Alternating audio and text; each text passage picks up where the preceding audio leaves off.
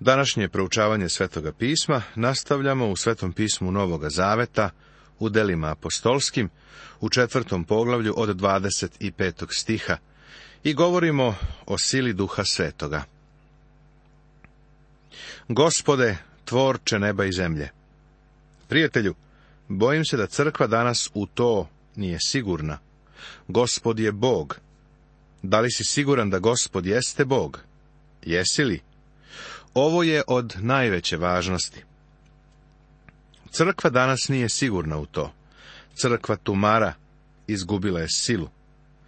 Crkva uvek govori o metodama. Uvek se trudi da napravi neki štos ili fazon da bi privukla ljude. Crkva u predgrađu i crkva u centru grada su nešto više od pukih religioznih klubova. Crkva više nije mesto sile. Prva crkva je bila sigurna u to da je Isus Bog. Pozvali su se na psalam drugi.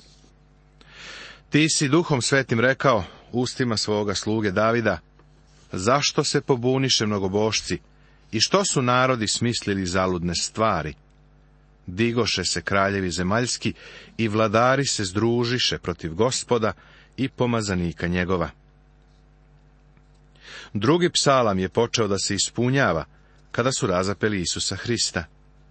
Mržnja prema Isusu i prema Bogu bila je kao lavina koja se vekovima kotrljala niz godine, svih ovih dve hiljade godina.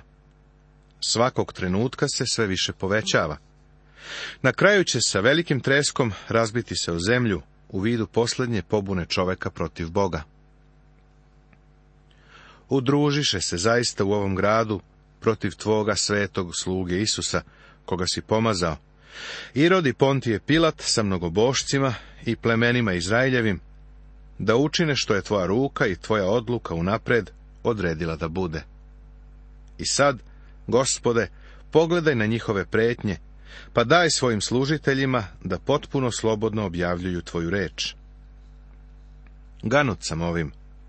Ovo je bila velika i divna služba molitve i slave. Svi su bili usaglašeni i usklađeni. Verovatno se nisu molili svi u isto vreme, ali su svakako govorili amin sa onim koji je vodio u molitvi. Zapazi da se nisu molili da prestane progonstvo. Molili su se za hrabrost da izdrže. Molili su se za silu i odvažnost da govore. Ta prva crkva je bila nešto drugo, prijatelju, od crkve kakvu imamo danas pružaj pritom svoju ruku, da bi se događala isceljenje i znaci i čuda imenom Tvog svetog sluge Isusa. Primeti silu prve crkve. A kada se pomoliše Bogu, zatrese se mesto na kom su bili okupljeni, te se svi ispuniše duhom svetim i u slobodno reč Božiju. Ovo je bilo omogućeno stanjem crkve. A u naroda koji je poverovao, bilo je jedno srce i jedna duša, i niko nije govorio da je što od njegovog imanja njegovo lično, nego im je sve bilo zajedničko. Ovo nije dugo trajalo. Telesnost je vrlo brzo ušla u crkvu.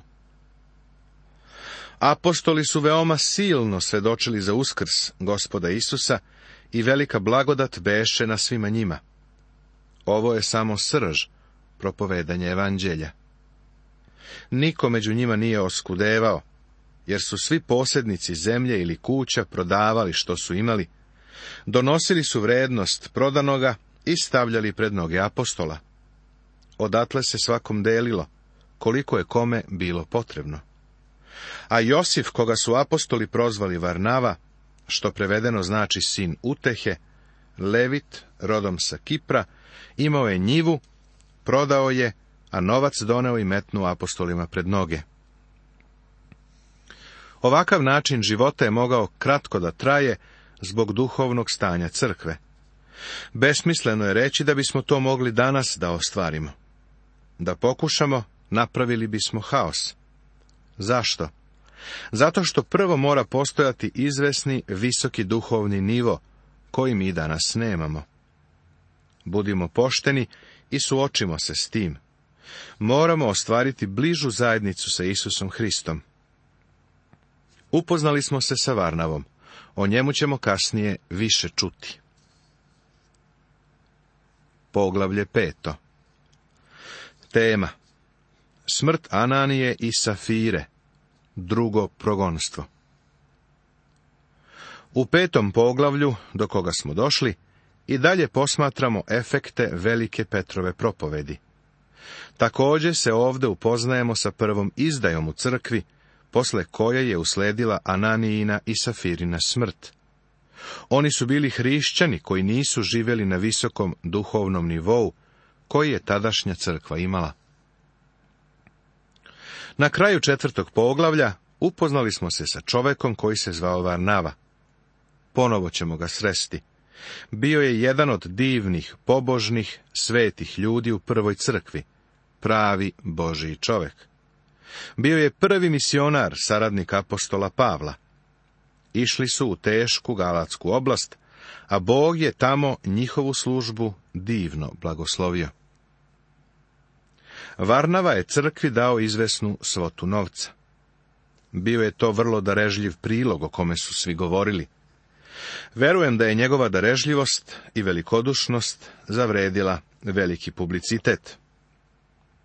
Seti se da su u prvoj crkvi hrišćani imali sve zajedničko. Ovo nam pokazuje da su bili na visokom duhovnom nivou. Samo tako su mogli ovo da ostvare. Sada nastupa prva izdaja. Nije moglo da se nastavi sa tim da imaju sve zajedničko, prosto zbog telesne prirode ljudi. Smrt Ananije i Safire a jedan čovek po imenu Ananija sa svojom ženom Sapfirom prodade jedno imanje. Očigledno je da su imitirali Varnavu. Videli su da je privukao izvestan publicitet, pa su mislili da bi bilo lepo kada bi i oni zavredili takav publicitet. Želeli su ga. Otkrio sam da postoje ljudi koji će dati samo zato da bi bili zapaženi, Sećam se jednog sastanka poslovnih ljudi u Pasadeni u Americi, u vreme kada sam tamo radio kao pastir. Planirali smo da otpočnemo sa omladinskom organizacijom, pa smo ove ljude molili da daju prilog za osnivanje tog pokreta. Odlučeno je da će se donacije davati javno. Obavešten sam da će jedan od tih ljudi dati vrlo malo ako mu se ne pruži prilika da javno govori, da bi svi saznali koliko daje. Zanimljivo je da je dao mali prilog. Nakon sastanka poverio se jednom od ljudi da je nameravao da priloži deset puta više, ali je očekivao da mu se pruži prilika da ustane ili makar da podigne ruku, da bi pokazao koliko je dao. Vidiš, Ponos je još uvek u ljudskoj prirodi. Ovo je bilo stanje u kome su se nalazili Ananija i Safira. Pa sa ženinim znanjem zadrža za sebe deo novca od prodaje, a drugi deo donese, te metnu apostolima pod noge. Nije bilo ništa loše ni pogrešno u tome što su deo novca zadržali. Na to su imali pravo, to je bila njihova svojina i imali su pravo da sa novcem rade šta hoće. Danas smo mi u crkvi pod blagodaću. Nismo primorani da damo određenu svotu. Neko će reći da treba da dajemo desetak. U ranoj crkvi ljudi su davali sve što su posjedovali. Ananija i Safira nisu dali sve, nego su deo zadržali, a na to su imali pravo. Njihov problem, njihov greh je bio u tome da su lagali. Rekli su da su dali sve, a deo su sačuvali za sebe. Ne volim kada ljudi pevaju pesme o tome kako sve svoje donose pred oltar. Nažalost, pevanje ovih pesama ljude čini lažovima. Treba veoma pomno da pazimo na to koje pesme pevamo. Zavet koji se daje gospodu ne sme se davati olako. Ananija i Safira su rekli da su sve položili pred oltar, ali su lagali. A Petar mu reče, Ananija, zašto je satana ispunio tvoje srce, da slažeš duha svetoga i da zadržiš za sebe deo novca od prodaje njive? Greh ovog čoveka i njegove žene bio je taj što su u vezi sa ovim lagali. Zar ne bi i dalje ostala tvoja i kad je prodana? Zar nije bila u tvojoj vlasti? Zašto si u svom srcu naumio to delo? Nisi slagao ljudima, nego Bogu.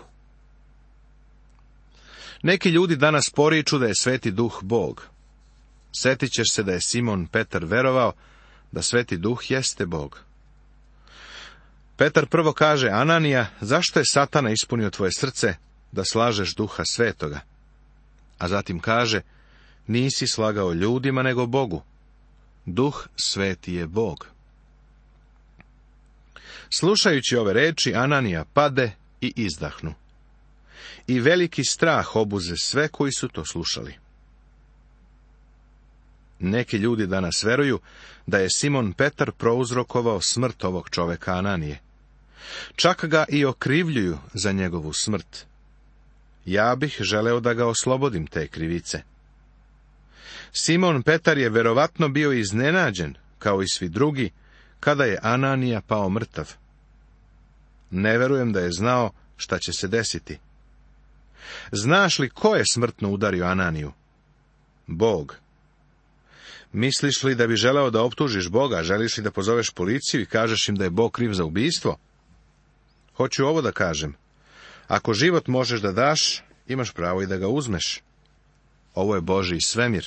Mi smo Božija stvorenja, dišemo njegov vazduh, služimo se telima koje nam je On dao. Prijatelju, naše telo On može da uzme kad god poželi. Bog nije kriv za ubistvo. Ovo je način na koji je vaspitavao svoju crkvu. Bog je odgovoran za smrt Ananija i Safire. A mladići ustaše umotaše ga, izneše i sahraniše. A kad prođe oko tri časa, uđe i njegova žena ne znajući šta se dogodilo. Tada joj se Petar obrati. Reci mi, jeste li njivu prodali za toliku sumu, a ona reče da, za toliko. Na to joj Petar reče. Zašto ste se dogovorili da iskušate duha gospodnjeg? Vidi, pred vratima su noge onih što su sagranili tvoga muža, i tebe će izneti. Simon Petar zna šta će joj se desiti.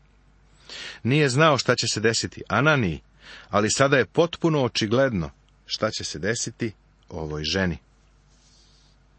I odmah pade pred njegove noge i izdahnu. A mladići uđoše, nađoše je mrtvu, iznesoše je i sahraniše do njenog muža.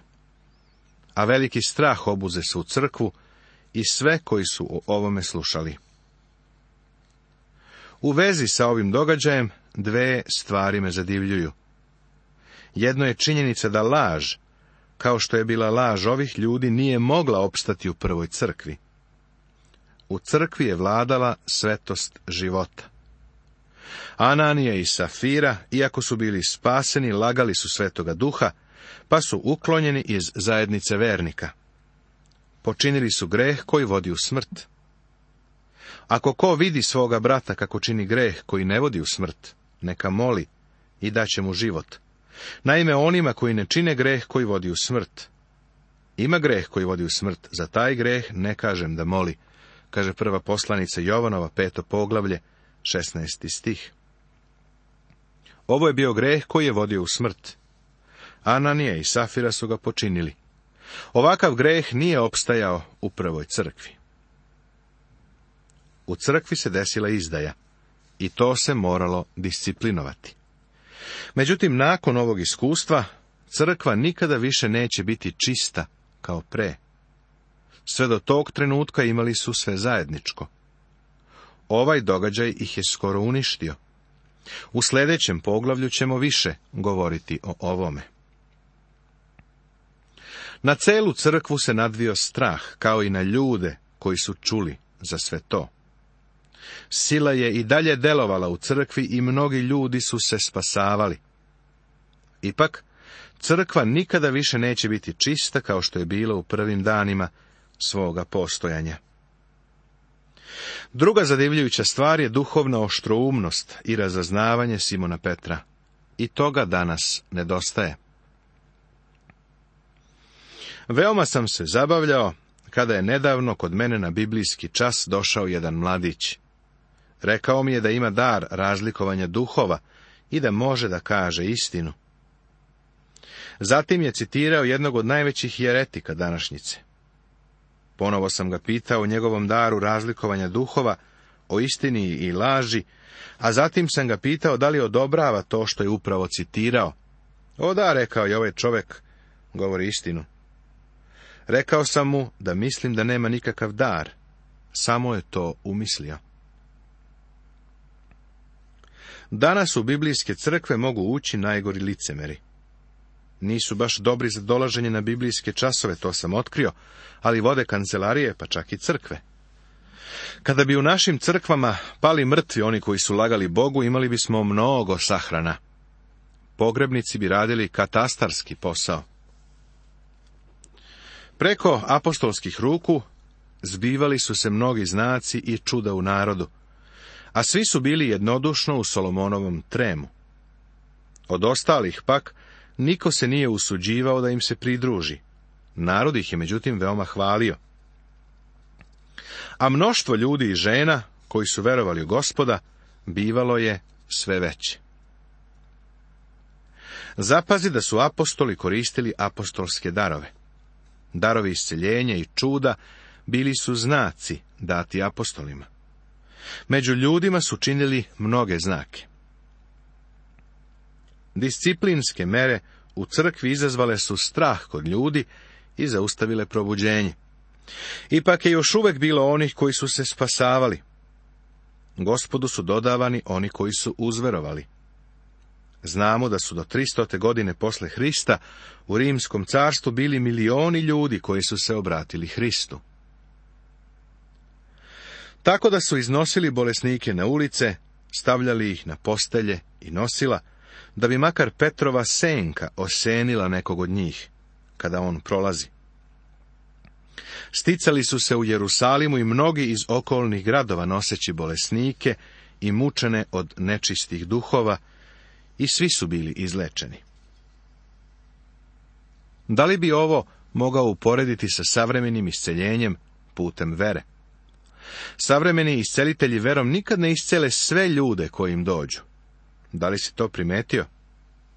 Prijatelju, apostoli su imali dar čuda. Od tada niko u crkvi nije imao te darove. Ljudi su bili isceljeni svi Ispraznile su se bolnice, bila je to sila prve crkve. Moramo se setiti da u to vreme nije bilo pisanog Novog Zaveta. Crkva je izgrađena na Isusu Hristu, On je ugaoni kamen, a apostoli su svedočili o Hristu. Darovi čuda su im dati da bi pokazali činjenicu da su govorili Božijim autoritetom. Danas imamo pisani novi zavet i to je naš autoritet. drugo progonstvo. Vidjeli smo da je u prvoj crkvi bilo vaspitnih mera. Sada ćemo vidjeti da progonstvo dolazi s polja. Kada su apostoli koristili duhovne darove, izazivali su reakciju.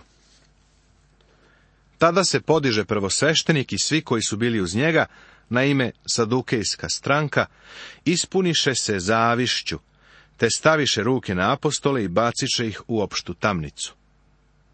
Zapazi da Sadukeji predvode progonstvo. Fariseji su predvodili progonstvo protiv Isusa, a sada ga predvode protiv prve crkve. Tako su apostoli po drugi put uhapšeni i smešteni u zatvor. Ali anđeo gospodnji otvori noću tamnička vrata, izvede ih i reče. U prevodu bi trebalo da piše neki anđeo, a ne anđeo. U starom zavetu anđeo gospodnje je bio niko drugi, do preinkarnirani Hristos. Sada je Hristos čovek u slavi, Bogu s desne strane. On je taj koji upravlja aktivnostima apostola. Nažalost, danas su uglavnom njegove ruke i noge paralisane, jer narod iz crkve u svetu se ne trudi za njega. Isus Hristos želi da se kreće kroz svoju crkvu. Želi da se kreće kroz tebe i mene, samo ako mu dozvolimo. Ovde se nije pojavio neki Hristos, nego neki anđeo. Nastavit će se.